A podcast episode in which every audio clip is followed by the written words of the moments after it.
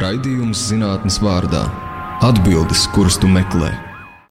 Ceturtdienās, septiņos vakarā. Esiet sveicināti raidījumā zinātnes vārdā. Ar jums kopā Ievas Siliņa. Mēs tiekamies rudenī, nu jāsaka jau rudens otrajā pusē, un šķiet katrs no mums pēdējo mēnešu laikā ir bijis mežā.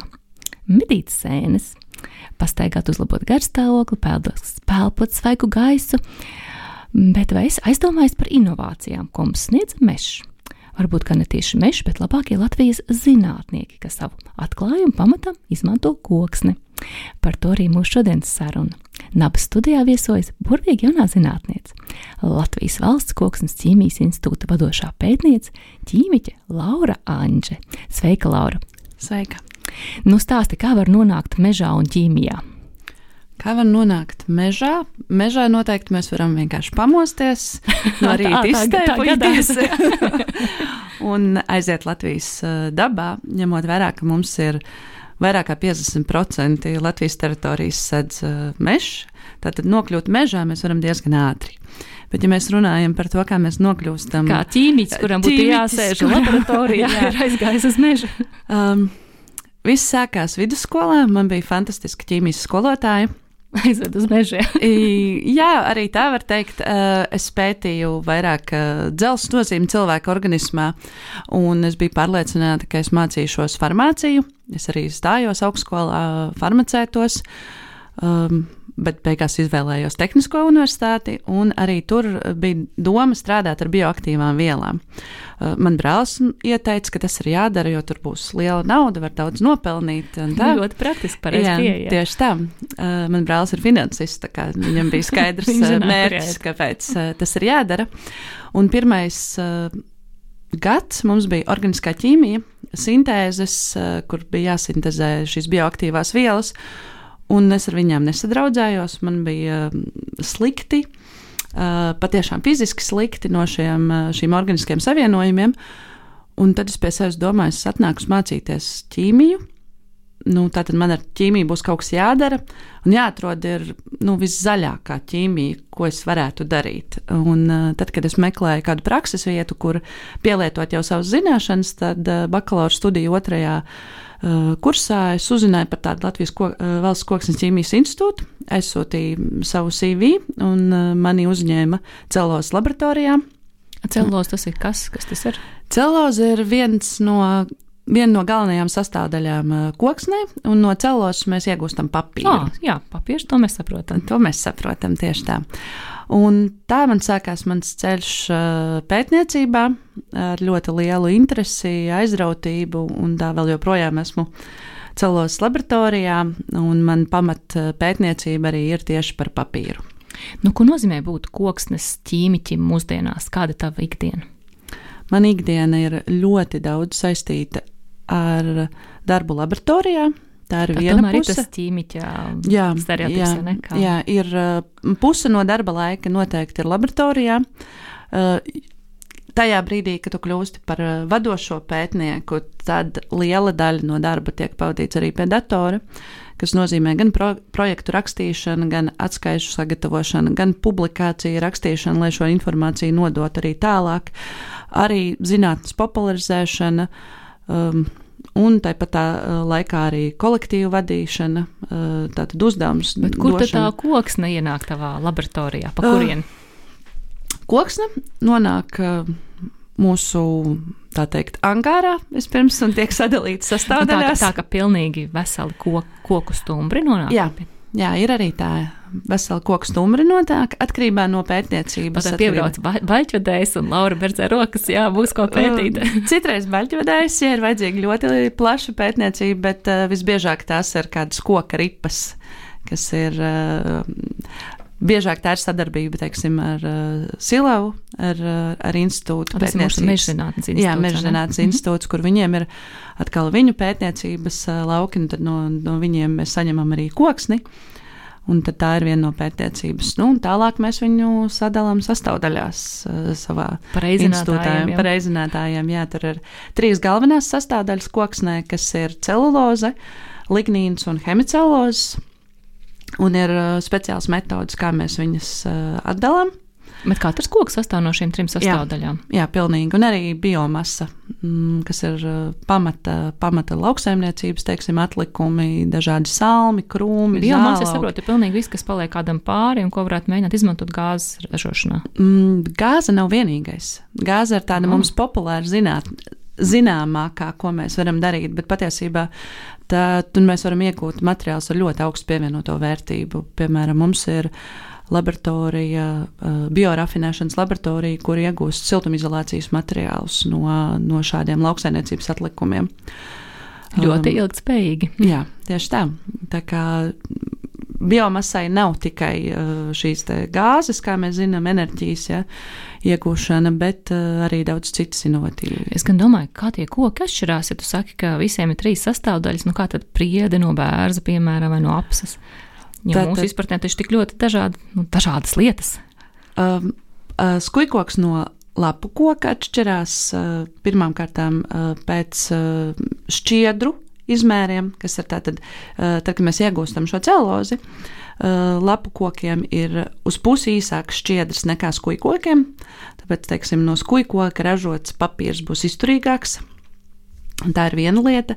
Otra lieta - tīri um, tā fizioloģiski, varētu teikt, eh, viņi atšķirās ar ūdens transporta formām, kā koks eh, transportē sev ūdeni. Tad, piemēram, lapakokiem ir, lapakokiem ir speciāli trauki. Tādus, ko tad, kad iegūst šīs šķiedras, mēs varam mikroskopā viņus redzēt. Un patiesībā pēc šiem traukiem var identificēt arī koka sugu. Viņi ir katram ko, koka sugai ir, nu, tie ir kādi pirkstu nospiedumi. Uh, var identificēt.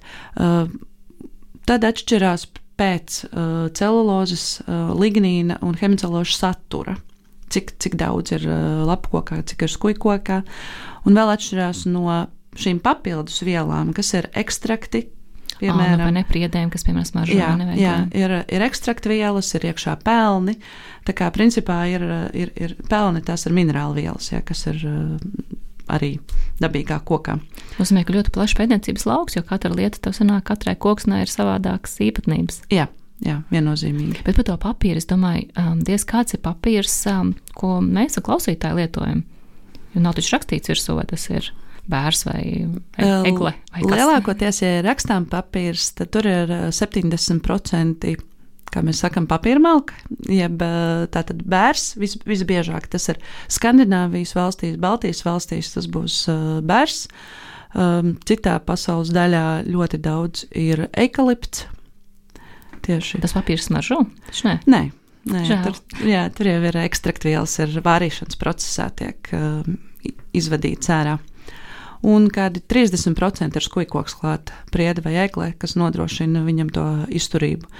Un tad ar to papīrs nebeidzās. Tur ir pildvielas, kas ir eh, minerāla vielas, kas tiek pievadītas un, protams, eh, tiek balināts. Tāpēc viņš ir balts un viņš ir gluds pateicoties šīm pildvielām. A, kas ir šīs pildvielas? Kas tas tāds? Dažādas minerāla vielas, piemēram, um, um, cinka uh, oksīds, ir uh, kalcija savienojumi, kas tiek pievienoti Tie ir dažādi balti minerāli. Es vienkārši domāju, vai tas viss ir veselīgs un labs, vai varbūt ir kāds papīrs, kas kā, ir veselīgāks, vai, vai mazāk veselīgs, vai mazāk ilgspējīgs. Uh, teiksim, cilvēku organismam tas neko sliktu nenodara. Ja mēs, nu, no tādas, mēs jau domājam par savu par, teikt, iespaidu uz dabu, vai ne? Par iespaidu uz dabu viennozīmīgi. Ja mēs izvēlēsimies reciklētu vai otrais pārstrādātu papīru, to, kas tas tāds būs, brūns būs, ne? Mazliet. Jā, tāds mazliet pelēcīgs. Jā, tas, tas viennozīmīgi mums būs vēlamāks, eh, ja mēs runājam par dabas aizsardzību. Kāpēc šis papīrs ir tik tumšs? Uh, Viņa atkārtoti pārstrādājot, mums ir piemēram eh, uz papīra virsū jau ir bijusi tinte. Nu jā, kaut kas rakstīts, kaut kas rakstīts, ir kaut kādi pigmenti. Un, lai arī ir dažādas metodes, kā šos pigmentus noņemt, viņi tomēr vēl kaut kāda daļa paliek klāt. Tā ir arī tā, tā lieta, kāpēc šis papīrs atkārtot reciklēts ir, ir mazliet pelēcīgs. Jā. Nozīmē, ka būtu vērts tomēr pievērst uzmanību, no kurienes ir radies šis papīrs. Vien, pirmo reizi vai tomēr šis atkārtot izmantotais? Jā, papīru principā uzskata, ka var reciklēt septiņas reizes. Vairāk arī nemaz nav iespējams, jo ar katru nākamo reizi šķiedru garums saīsinās. Tas nozīmē, ka beigās mēs iegūstam tādu gandrīz nu, tādu putru. nu, jā, to varētu jau nosaukt. nu, jebkurā gadījumā arī jebkurš papīrs ir biomasa, ja mēs tā skatāmies, bet uh, jā, viņš būs jau ļoti, ļoti, tāda, ļoti iesām šķiedrām, un papīru iegūt gandrīz vairs nebūs iespējams pēc kādas septītās reizes. Droši vien ļoti svarīgi ir arī tas, ko es daru to papīru, tad, kad es esmu beigus to izmantot, vai ne? Vai šis papīrs nonāk um, atbilstošajā um, atkritumu konteinerā papīram domātajam vai nē, jo, ja nenonāk, tad jau laikam īsti tāda iespēja nav, ka šis papīrs dzīvos šīs septiņas dzīves, ko tu viennozīmīgi, ja papīrs, uh, papīrs var dzīvot septiņas dzīves tikai tad, ja viņš nonāk pareizajā konteinerī. Jā, viennozīmīgi. Tālāk viņš, uh, ja viņš nonāk dabā, ja viņš nonāk brīvi dabā, tad visticamāk viņš sadalīsies, arī tas nebūs kaitējums dabai, bet mums, mēs būsim zaudējuši teiksim, materiālu. Bet ja viņš nonāks pie kopējiem atkritumiem, kas tālāk tiek sapresēti, tad šī sadalīšanās arī ir stipri ierobežota. Tas nozīmē, ka tas papīrs stipri ilgāk dzīvos šajā, šajos atkritumos, teiksim, poligonos. Saki, bet nu, papīrs paliek papīrs, labi, baltāks, brūnāks. Kur tur ir vieta kādai inovācijai? Kādreiz bija ļoti aktuāla inovācija tieši rakstām papīru, lai iegūtu baltāku un skaistāku, baltāku, un skaistāku gludāku, vieglāk rakstītos, tinte neizplūstu. Teiksim, šie bija aktuāli pētījumi, kopš parādījās uh, digitālās saziņas formas un arī digitālās grāmatas un žurnāli un, un tā tālāk. Uh, papīrs ir uh, mainījis savu virzienu un arī teiksim, ierobežojumiem un, un Eiropas virzienam uh, par iepakojamo materiālu, uh, papīrs ir kļuvis par ļoti aktuālu objektu pētniecībā kā iepakojamais materiāls. Un uh, papīra galvenā problēma ir tā, ka viņi nav mitrumizturīgi. Jā, taisnība. Jā. jā, tā ir pati svarīgākā problēma, kad mēs runājam par, par iepakojumu. Un tad šobrīd šīs uh, inovācijas un pētniecības virziens ir, kā iegūt uh, papīra materiālu ar pietiekoši augstvērtīgām īpašībām, lai viņš būtu izturīgs gan sausā, gan arī mitrā stāvoklī.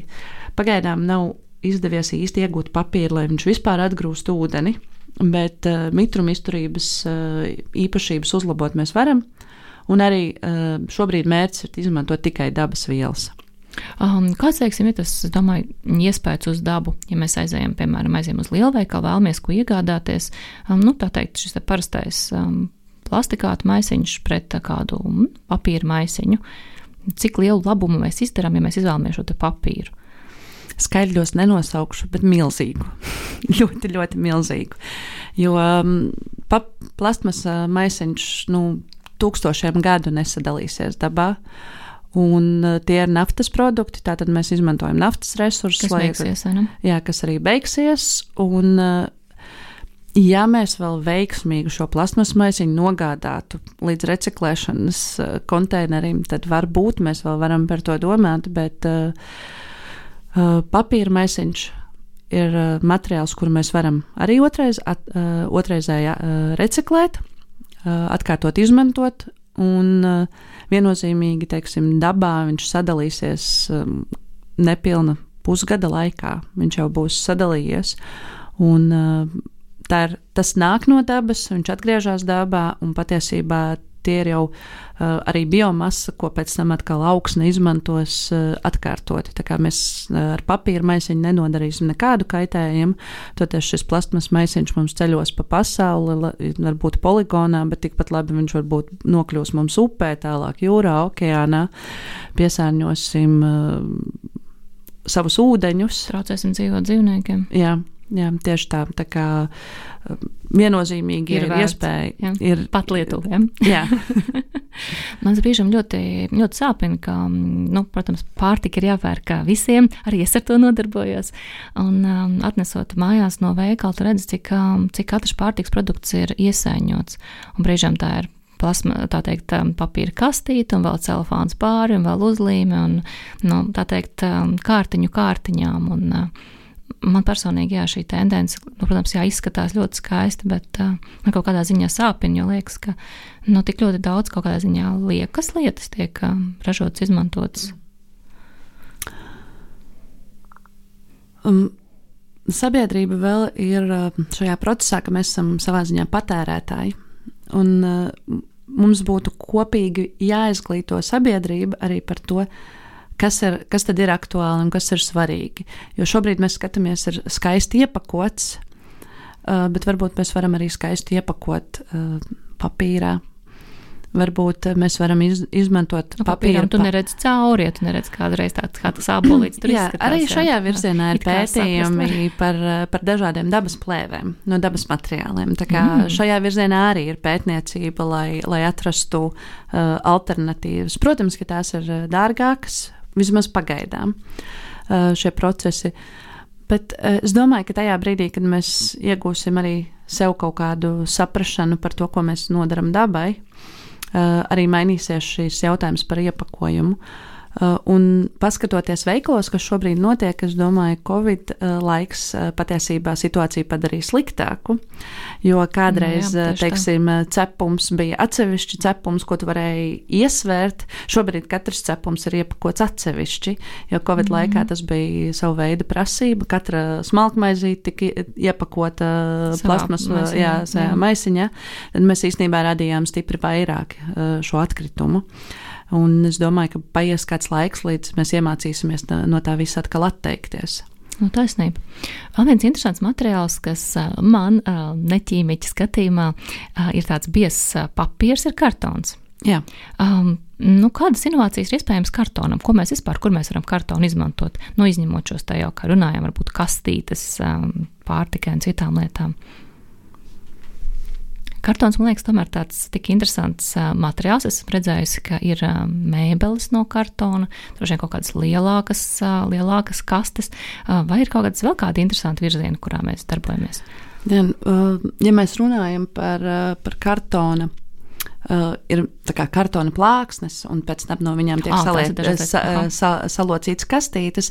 Ar to īstenībā atšķirās teiksim, ražošanas veids. Ja mēs, ja mēs ražojam šīs kartona plāksnes, no kurām pēc tam tiek locītas kastītes, tā ir uh, vienkārši papīra līnija, kurā tiek iegūts biezāks papīrs. Jo patiesībā kartons diezko ar neko citu neatšķirās, tikai ar to, ka viņš ir biezāks papīrs. Eh, ja mēs runājam par, eh, teiksim, eh, viens piemērs ir olu kastītes, kas ir kā lietā kartona iepakojums. Tas ir papīra masa, kas ir bijusi īpašā jā, formā. Tieši tā. Tā ir papīra masa, kas ir bijusi īpašā formā. Viņu uh, izlēja un pēc tam šādā pašā formā arī izpresē. Viņi nogludina, un tā mēs iegūstam speciālas formas papīru. Un, jā, ir arī virzieni, kur ir teiksim, interjera dizaina priekšmeti, kuri tiek iegūsti tādā pašā veidā. Tātad šajā brīdī inovācija vairs nav pats papīrs, bet šo dizains, uh, dizains, šīs formas, kar, kuras tiek uh, izdomātas, izveidotas, un pēc tam šajās formās tiek atlietas šis papīrs. Tāpat ir arī uh, šīs mēbeles, uh, krēsli, kaut kādi galdiņi, plauktiņi, tie visi ir šīs lietās formas papīra. Tad nu, pa, viss pamatā ir papīrs, un tālāk mēs varam vai nu papīru ņemt kā kā, kā, kā tas ir, vai attiecīgi masā un izliet, ja kādā formā, kā vien tā teikt, sirds kāro, vai arī likt kārtiņu kārtiņās un savukārt veidot kaut ko jau izturīgu, pamatīgu. Jā, ir, arī šī ir inovācija. Pašlaik mēs tūlīt janvārī uzsāksim pētniecību par uh, iepakojumu. Tas gan arī ir paredzēts iepakojumais, kas ir kārtās veidot šķiedru materiāls. Un, uh, tur ir mērķis, lai šajā uh, pap, tur ir būs papīra šķiedras un arī dažādi dabas polimēru šķiedras, gan nanovērptas, kas ir tā, tad ir speciāli iekārtas, kas ļoti smalkas, uh, ļoti, ļoti, ļoti ar aci neredzamas šķiedras. Uh, kas veidos speciālas īpašības iepakojumam, piemēram, antibakteriāls īpašības, kas nozīmē, ka mēs varam. O, tas būtu lieliski. Jā, mēs varam iepakot, teiksim, kādu pārtiks produktu, kurš ātrāk sabojājās, bet ar šādām uh, nanošķiedrām mēs viņam piešķiram antibakteriāls īpašības.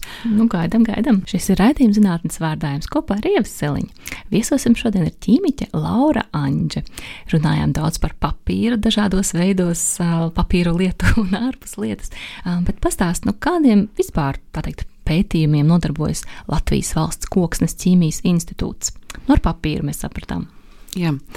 Mums ir varētu teikt, pieci uh, virzieni. Oho. Mūsu institūtā ir celulozes laboratorija. Tas tas papīrs, vai ne? Tas ir tas papīrs. Uh, un arī citi iepakojumi. Tad mums ir lignīna laboratorija, uh, kur, kur ir tiek izmantots uh, viena no galvenajām sastāvdaļām - lignīns. Kas tas ir?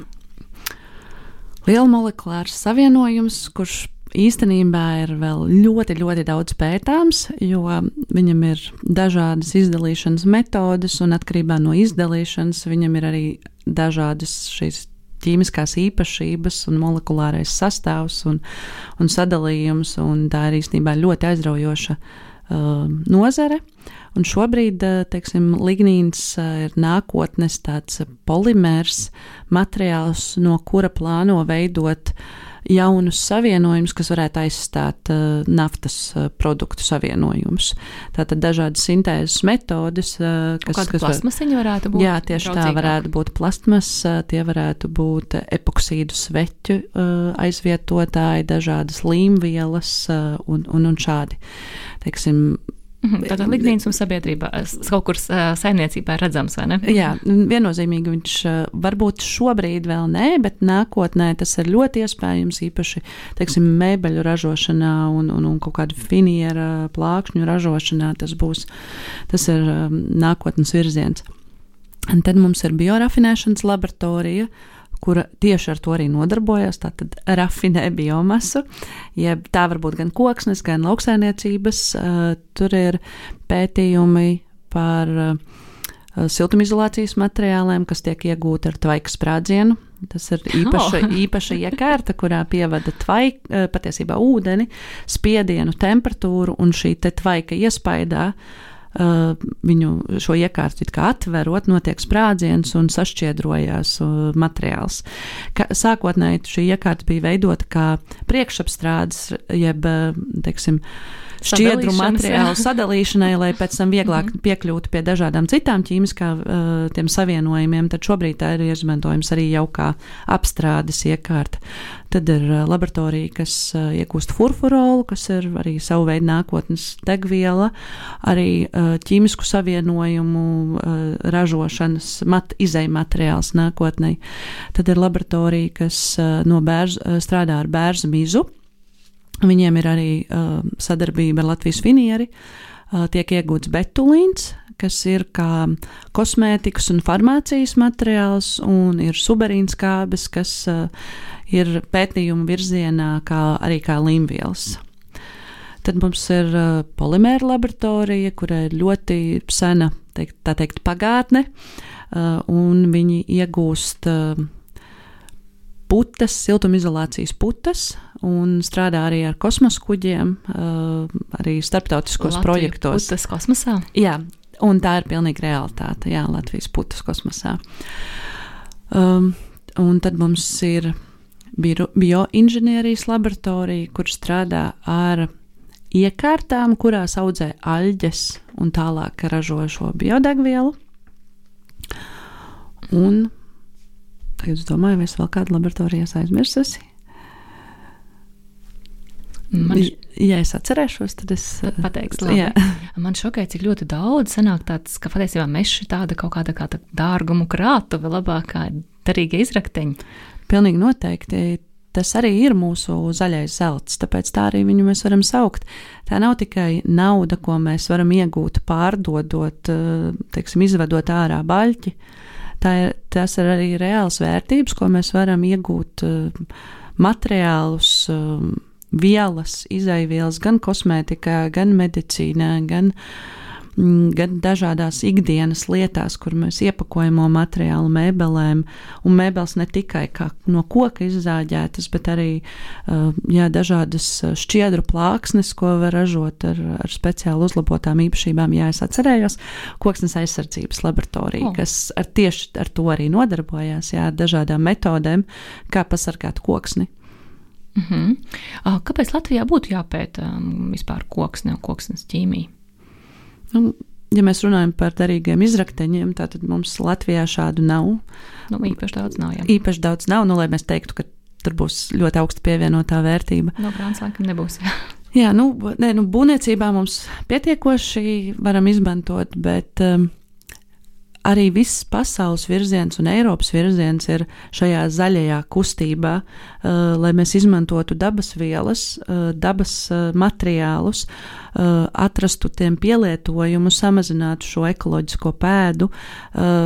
Gan politiski ir šie uzstādījumi, tāpēc es teiktu, ka Latvija šobrīd ir ļoti labā situācijā, lai mēs kļūtu par vadošu valsti, kas ir šādā pētniecībā un arī iemācītos izmantot šos savus materiālus. Un lai kā mums arī liktos, ka mūsu mežus izcērt, bet mēs viņus tomēr atjaunojam. Un pēc mums, datiem jau sanāk, mēs atjaunojam vairāk, mums ir vairāk mežu nekā iepriekš. Jā, uh, droši vien šī nebūs mana tēma, par kuru runāt, bet es gribu izstāstīt cilvēkiem par to, ka koks sasniedz kaut kādu savu vecumu. Ja mēs runājam par skābekli, ja mēs runājam par skābekļa ražošanu, koks sasniedz vecumu, kad uh, elpošanas procesā viņš sāk izdalīt vairāk CO2 nekā saražot skābekli. Tātad viņš patērē jau vairāk skābekli nekā viņu saražo. Un, un, Tas nozīmē, ka vecs koks nemaz nav tik eh, vidēji draudzīgs, kā mēs gribētos. Jā, viņš ir draudzīgs tādā ziņā, ka viņš ir eh, savācis šo CO2 un viņš viņu ir absorbējis un viņš viņu uztur. Tātad šajā koksnē ir. Tajā brīdī, kad mēs, piemēram, šo koksni sadedzināsim, tad mēs ar, kopā ar, ar šo siltumu dabā atkal izdalīsim atpakaļ šo CO2 daudzumu, ko viņš sevī ir sakrājis. Bet, ja mēs no viņa iegūstam jaunus materiālus, tad šis īstenībā CO2 turpina dzīvot šajos materiālos, līdz mēs viņu atkal atgriežam atpakaļ dabā. Un jā, tajā brīdī šis CO2 izdalās. Bet uh, tur mēs varētu salīdzināt arī ar, teiksim, maziem bērniem vai vislabāk pusauģiem, kuri var es atvainojos, apēst milzīgu daudzumu ēdiena, augt uh, un, un, un kļūt uh, stipri, spēcīgi. Tas pats notiek arī ar koku. Tad, kad viņš ir sasniedzis savu šo pusauģu vecumu, koks ne, viņš īstenībā absorbē vislielāko uh, masu. Un tāpat tās arī jebkura biomasa, kas ir zaļā masa, viņa absorbē īstenībā daudz vairāk CO2. Bet šeit jāskatās ir atkal, ka tā CO2 aprite ir daudz īsāka nekā tas notiek mežā. Ja tā tad koks mums aug. Un, protams, es nerunāju par 20 gadīgām audzēm, es runāju par 80, 90 gadīgiem kokiem. Un tajā brīdī, jā, viņi jau uh, principā vairs nedod skābekli, bet jā, viņi, viņi tur sevī šo absorbēto CO2. Un ņemot vērā, ka šis no koks tiešām, kā tu teici, ir Latvijas zelts un koks te mums ir, tad man ir liels prieks, ka tiešām mēs skatāmies veidus, kā mēs varam dabūt lielāku pievienoto vērtību, vairāk naudas piesaistīt mūsu valstī ar tiešām lieliskām un kolosālām inovācijām. Tā vietā, lai, kā tu teici, vienkārši eksportētu izēju materiālu, vai ne? Jā. Uh, varbūt kaut kā koksnes ķīmijas joma vai ir mainījusies ar laiku, ir kaut kas ienācis jaunas tendences. Mm, viennozīmīgi ir uh, ienākušas jaunas tendences. Teiksim, pirms uh, kādiem sešiem, septiņiem gadiem, kad es uh, studēju vēl doktorantūrā, un uh, man bija savas konferences, kurās es uh, braucu prezentēt uh, pētījumus. Tās bija ļoti specifiskas jomas, ja, ja tu nodarbojies ar papīra pētniecību, ar celulozi, nu, maksimāli nanocelulozi. Tad šīs bija tās tēmas, par kurām mēs runājām, dalījāmies ar savām pieredzēm. Tad uh, šoreiz, atgriežoties pēc bērnu kopšanas atvaļinājuma, atgriežoties zinātnē un dodoties uz konferencēm, ir ļoti liela tendence arī pasaulē multidisciplināra pētniecība. Tas nozīmē, ka mēs vairs ne, nerunājam tikai par celulozi un papīru, bet mēs runājam par celulozi un papīru izmantošanu medicīnā, par izmantošanu kosmētikā, par dažādu iepakojumu materiāliem, par to, kā celuloze sadarbojās ar citiem polimēriem, kas ir dabas polimēri. Uh, nāk klāt ekonomika, tehniski ekonomiskie aprēķini, uh, life cycle assessment, jā, tā tad uh, daba, dabas dzīves ietekme, cikls, dzīves cikla uh, ietekme. Uh, šis, šī pētniecība ir kļuvusi ļoti multidisciplināra. Un tas patiesībā ir tikai dažu gadu laikā. Tas ir kādi pieci, septiņu gadu laikā ļo, no ļoti specifiskām pētniecības virzieniem mēs esam kļuvuši ļoti multidisciplināri. Un tas ir arī uh, tas, ko Mēs mēģinām darīt uh, Koks ķīmijas institūtā, ļoti daudz sadarboties starp laboratorijām. Uh, laboratorijas, teiksim, šie, šī struktūra ir stipri mainījusies. Mēs esam dažādos projektos kopā ar citām laboratorijām, lai šī pētniecība kļūtu tāda plašāka. Tas ir ļoti daudz sološi, un šķiet, ka būs vēl daudz jaunu citu inovāciju, vai ne? Kā mēs, mēs ļoti ceram. Klauds pieminēja to nanocellulozi. Kas tas tāds ir? Nanocelluloze ir celulozes, vieni mazas. Tātad celuloze pati ir polimērs, kas sastāv no glikozes gabaliņiem. Tie ir tātad. Jā, un tu teici, ka katru reizi, kad mēs to ķēdīte, atkārtot, jā, paliek mazāk, mazāk. Ir milzīga gara ķēde ar tūkstošiem šo mazo gabaliņu, un nanocelluloze ir īstenībā šo šķiedriņu, šo garo ķēdīšu īsāks, īsāki gabaliņi. Viņas ir tik maziņas, ka mēs viņu ar aci neredzam, bet tad, kad mēs viņu iegūstam šajā nano izmērā, tas ir zem 100 nanometriem uh, garumā, un tur ir daži nanometri platumā, mēs iegūstam tādu puscaurspīdīgu gēlu. Un šim gēlam ir plēvi veidojošas īpašības. Oh, tas, ko tu teici, ka varētu būt uh, celos uh, uh, Jā, tātad uh, caurspīdīgu plēvi jau var iegūst no šīs nanocelos. Patiesībā ir jau pētījumi, kur uh, iz, ir mēģināts izmantot baterijās. Um, telefona ekrānos šo nanocelulozi. Protams, viņa jau ir modificēta, lai nebūtu ūdenī, uh, nu, nebūtu šī ūdens absorpcija. Okay. Uh, bet šie pētījumi pašlaik vēl jāsaka, ka nanoceluloze ir ļoti dārga. Uh, priekš, teiksim, telefona ekrāniem, bet es domāju, ka tā ir uh, tālākā laika nākotnē laika jautājums. Jā. Kādas vispār inovācijas tu gaidi koksnes ķīmijā? Kāda, kāda trendi? kas, kas gaidāms. No viens tāds varētu būt šīs telefona ekrāns, varētu būt mums no meža nācis. Jā, mūsu jaunākais pētījums, un teiksim, priekš manis pašs ļoti interesanta tēma ir kaula implanti no koksnes. Un tas viss sākās ar diviem mikroķirurgiem, kas ieradās pie mums uz uh, institūtu, uzsāka sarunu, un ir zināms, ka uh, ir bijis profesors Ezerietis, kurš ir 90. gados veicis pētījumus ar kadiķa uh, kau, kaulu implantiem, kadiķu gūžām. Oh, Viņam ir patents. Interesanti. Uh, bet uh, pašam teiksim, koksnei ir, kā jau mēs runājām, ir dažādas īpašības, un, ja mēs sakām, ka ir atšķirības starp sugām, tad patiesībā ir atšķirība arī starp augšanas apstākļiem vienai un tai pašai sugai.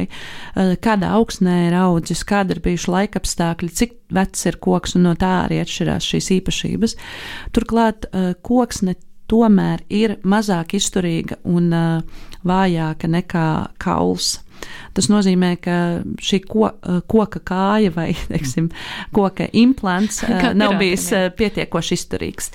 Tad šī mūsu jaunā, jaunais pētniecības virziens, kas mums ir sācies pirms diviem gadiem, un tas ir tādā pašlaik vēl tādā iekšējā institūta pētniecībā, ir par koksnes blīvināšanu.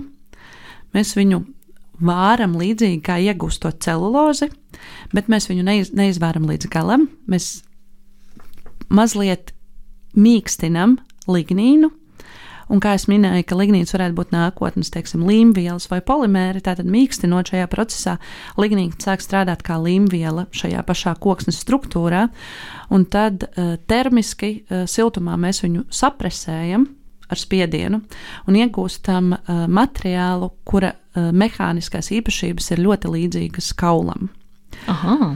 Un mums ir bijuši jau sadarbība ar uh, Tehniskās Universitātes uh, Biomateriāla institūtu, un viņi mums palīdzēja veikt in vitro analīzes, kas ir pirmās uh, analīzes ar kaulu šūnām, un ir šī nav toksiskas reakcijas, tad mēs saprotam, ka mēs varam turpināt šo virzienu un pētīt tālāk. Uh, Eh, kā tas varētu notikt. Tad mūsu galvenais mērķis ir iegūt um, metāla implantiem alternatīvu. Es tieši domāju, ka kā tas sauksies, ja ir kiborgi, ir cilvēki ar tā teikt metāla daļām, tad, ja tev ir koka daļas, tie principā viss no dabas, viss no dabas. Jā. Uh, galvenais iemesls šim visam ir tas, ka ir arī uh, atsevišķi pētījumi, lai gan um, šobrīd šī ir ļoti diskutabla tēma. Uh, un, un tā, tad, kad sākās jauni pētījumi virzieni, vienmēr ir uh, kādi, kas no, kā, no, novirzās uh, šī pētījuma virzienā un saka, super, brīnišķīgi, laba ideja. Un ir cilvēki, kuriem ir pretēji viedokli, ka tas ne, nekam neder nekādu, nekādu koku. Un, un ir ļoti daudz ķirurgi, kur arī saka, metāls jau ir pats labākais. Taču patiesībā ir pētījumi, kur uh, ir kaulu, no, uh, kaulu destrukcija, jo metāls ir stipri izturīgāks un blīvāks un cietāks nekā kauls. un vēl viena lieta ir jaunās medicīnas metodes, kas nozīmē, piemēram, Ultrasonogrāfija ir uh, kodolmagnētiskā rezonance, kuras ir traucētas tajā brīdī, ja ir metāla implanti. Ja? Un tad uh, šis šādi koka implanti būtu alternatīva. Nepīkstāt lidmašīnās. Nepīkstāt arī lidmašīnās, tieši tā.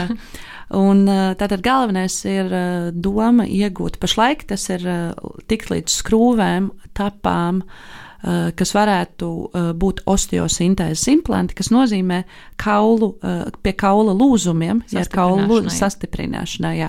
Tas ir nu, pašlaik tas ir pirmais tas solis, līdz kam mēs vēlētos nokļūt. Un šāds implants viņš tā kā pamazām sadalītos un izšķīst, vai viņš tomēr paliktu ķermenī? Ķermenī noteikti paliktu.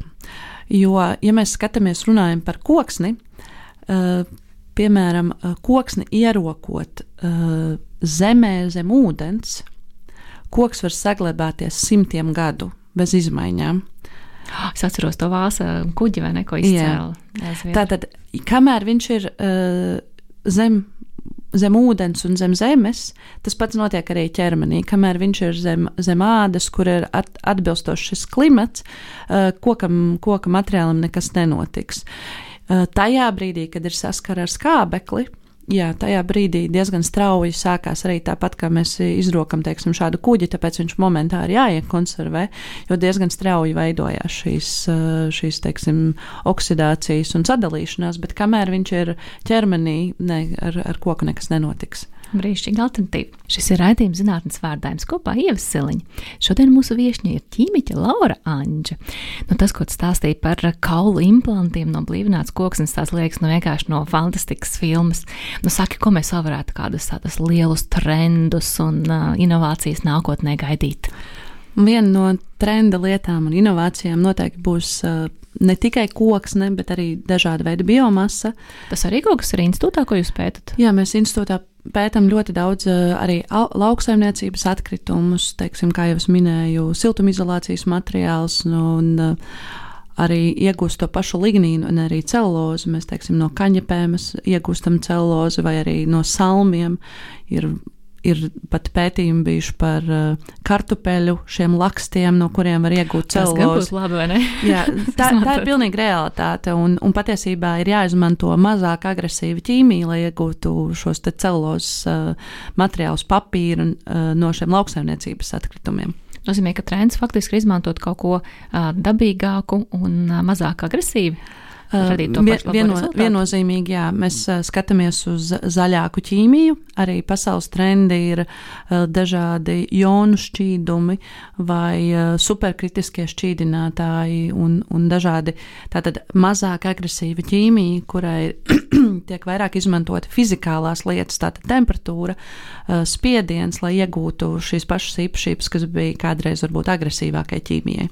Tā arī noteikti ir, ir jaunā tendence. Uh, un dažādas uh, biomasas, tātad, kas īstenībā iznāk ir atkritumi, vai šu, mūsu gadījumā mēs viņus saucam par ražošanas atlikumiem. Uh, kādam tie ir atkritumi, kurus būtu jānodod poligonā, tad uh, mūsu gadījumā šie ir atlikumi, kurus mēs varam pēc tam izmantot pievienotās vērtības piešķiršanai šiem, šīm lietām. Tāda tendence ir, piemēram, jaunie pētījumi ir par alus drabiņām. Jā, o, kas tas ir? Spend, spend grain, bravery spend grain, alus drabiņas, kas ir uh, graudu atlikumi vai nu, šo. Uh, alus ražošanas procesā, kas paliek pēc šiem diedzētiem graudiem, kad ir izdalīts ārā viss cukurs, kurš tiek saraudzēts, mums paliek principā materiāls ar celulozi, lignīnu, uh, Hemicelulozes tā varbūt mazāk, bet arī ir hemicelulozes, un tur ir klāt arī olbaltumvielas. Un uh, no šiem materiāliem arī ir ļoti jauni pētījumi, kur izmantot un kā, uh, kā darboties ar šiem alus drabiņām. À, ko, nu, ko mēs no tā varētu gaidīt? Mm, sākot ar to pašu nanocelulozi, jo tā tad no drabiņām ir jau īsas šķiedriņas, un tur ir stipri ātrāk iegūstamas. Um, ir pētījumi par um, probiotiķiem. Uh, tātad, uh, man jā, jāatcerās, vai ir pareizais vārds prebiotiķis vai probiotiķis. Viens bija tas, kurš ir kaut kas veselīgā. Tā tad, jā, kas materiāli, kas palīdz mūsu baktērijām pēc tam dzīvot un darīt labu darbu mums. Tā tad ir arī šādi virzieni, kur var izmantot un principā visu to pašu, ko mēs varam iegūt no koksnes. Hmm. Kāda pašai attieksme pret alu? Alas ir mana vīra hobijs, un pagaidām jāsaka, viņš ir hobijs, lai gan tas ir attīstījies jau uh, alus darbnīcā teika un, un, un ar diviem bāriem.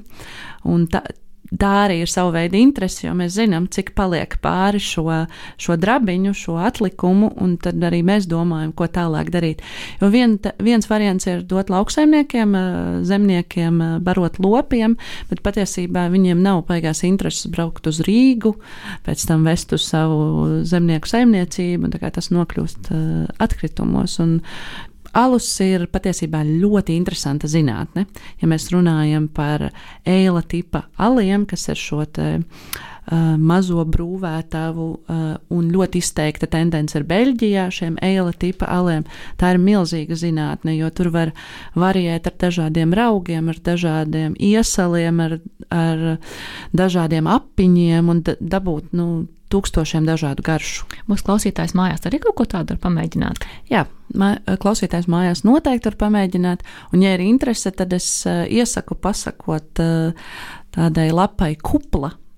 Uh, tā ir kustība par labu alu. Tas ir. Cik cilvēcīgi.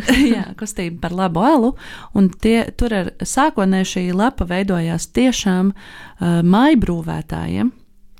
Un tā patiesībā ir mājbrūvētāju šīs kustības uh, mājaslapa. Tur viņi dalās ar savām receptēm, ar savām idejām, ar savām tādām lietām, ar, uh, kā, kā tikt pie labālus. Un, ja ne savādāk, var pieteikties degustēt pie kāda, vai ne? Jā, noteikti. um, Klāt iepriekš minēja, ka viena no lietām koksnes ķīmijā varētu būt arī kosmētika. Jā. Kosmētika ir vēl viens virziens. Es minēju par betulīnu, kas ir no bērna mizas izdalīts ekstrakts, viens no triterpēniem, un viņam ir ļoti fantastiskas bioaktīvas īpašības. Tur ir ļoti daudz pētījumu arī citās pasaules valstīs uz arī kā pretvēža īpašības un, un dažādas antioksidantu īpašības. Un uh, pašlaik uh, tas virziens, ko mēs pētām, ir uh, betulīna sa, saturoši krēmi. Un, uh, notiek arī dermatoloģiskie pētījumi, un, un ir pierādīta uh, pigmentācijas samazināšanās ar, ar, ar šiem betulīnu saturošiem krēmiem. Un tā ir, tā ir ļoti tuva nākotne patiesībā sadarbī, sadarbī, sadarboties ar dabīgās kosmētikas ražotājiem. Un interesantā lieta, ka betulīns spēj uh, veidot arī um, tādus kā oleogēlus, kas ir tātad eļļā. Viņu ļoti mazu daļiņu formā ievedot eļļā, viņš rada tādu kā gēla uh, savienojumu, un tālāk uh, pievienojot ūdeni, mēs iegūstam krēmu jo visi krēmi sastāv no tādas eļļainas daļas un ūdens, un tad ir vajadzīgi emulgatori, tātad, kas, kas savieno šo eļļu ar, ar, ar ūdeni kopā. Tas pats notiek arī, piemēram, kad mēs taisām majonēzi. Uh, majonēze arī ir šāda emulsija, kur ir eļļas daļa un ūdens daļa, un patiesībā ola ir tā, kas savieno. Tad šeit ir betulīns, kas arī strādā kā emulgators, un viņš strādā arī kā biezinātājs. Un priekš dabas kosmētikas tā ir. Tas ir nelikt to skaitīgos, vai ne? Kā lūdzu? Par nelikt, neliktos. Jā, tieši tā. Un priekš dabas kosmētikas tas ir jauns trends, jauna inovācija - dabūt uh, krēmus ar maksimāli maz sastāvdaļām. Un pašlaik mēs ejam uz to, ka tas varētu būt tikai eļļa, ūdens, betulīns, un tad kāds mitrinātājs, nu, ko izmanto tātad glicerīns vai urīnviela, kas ir galvenie mitrinātāji. Nu, pie ļoti iegribās kādu smaržu vieliņu un, un, un ēteriskā eļļa, un, un tas varētu būt arī pamats šādiem krēmiem. Bet īstenībā liekas, tik, tik tālu koksnes, koksnes ķīmija un tādas praktiskas lietas, bet te pašā laikā skaistuma joma. Jā, Koks ķīmijas institūts vispār nodarbojas ar ļoti daudz praktiski pielietojamu, tādu praktiski lietojamu un jau tuvu ražošanai iegūstamiem materiāliem. Un, un tas īstenībā ir tas mūsu virziens, ka mēs strādājam uz praktiski izmantojamiem. Izmantojamām lietām. Um, attiecībā par kosmētiku vienmēr ir pārsteigts, kā tu nonāci pie tā, ka teiksim, šī konkrētā viela ir pielietojama tādai, tādai mērķim vai citam mērķim. Kā tas? Kā tas Viennozīmīgi tā nav tikai viena zinātnieka ideja.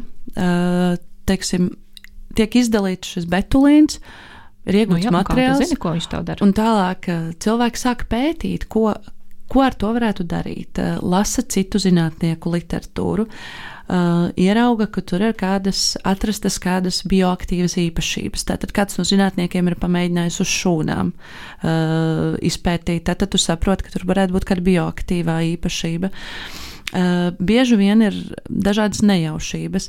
Uh, Šī gadījumā jāsaka, teiksim, šo, šo oleogēlu iegūšana tā bija kolēģu.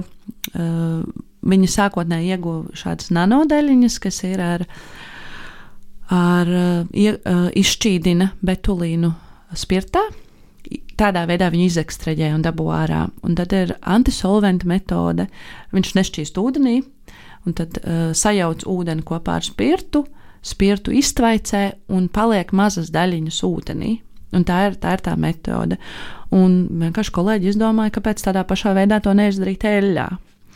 Un viņi izmēģināja eļļā un ieguva gēlu, kur tālāk skatās, nu, kā, ko mēs ar to varētu darīt. Nu, tad mums ir tāds gēls. Tad atkal mēs pētījām, lasījām, ka, ko dara ar dažādām citām bioaktīvām vielām, kuras ir eļļas sistēmās. Uh, Tad, tad, protams, ka zinātne ir tāda ļoti plaša un starptautiska. Tur tā starptautiskā pētniecība, jā, teicu, jā, un bieži vien, teiksim, pati Eh, es pati šobrīd esmu ļoti daudzos pētniecības virzienos, strādājušiem kaulu implantiem. Es esmu šajā kosmētikā ar, ar krēmiem, es strādāju ar uh, papīra iepakojumu sadarbībā ar olkastīšu ražotājiem VLT un iegūšam šo mitrumistrīgo papīru. Un interesanti ir tas, ka tad, kad tu meklē vienu informāciju priekš viena šī pētījuma, tu pēkšņi atrodi wow! Bet šis man varētu noderēt kosmētikas pētījumā. Un atkal otrādi, ka rekur ir baigi interesantā lieta, ko es varētu atkal izmantot tam. Un šī multidisciplinaritāte arī strādājot daudzās tēmās īstenībā palīdz. Tu vienkārši sāc domāt, tā teikt, ārpus kastītes. Vai ne? Tas jau kā inovācijas rodās, vai ne savādāk asociācija, un tas ir pielietojams. Jā. Kādi tev pašai nākotnes plāni? Nākotnes plāni noteikti ir turpināt darboties zinātnē.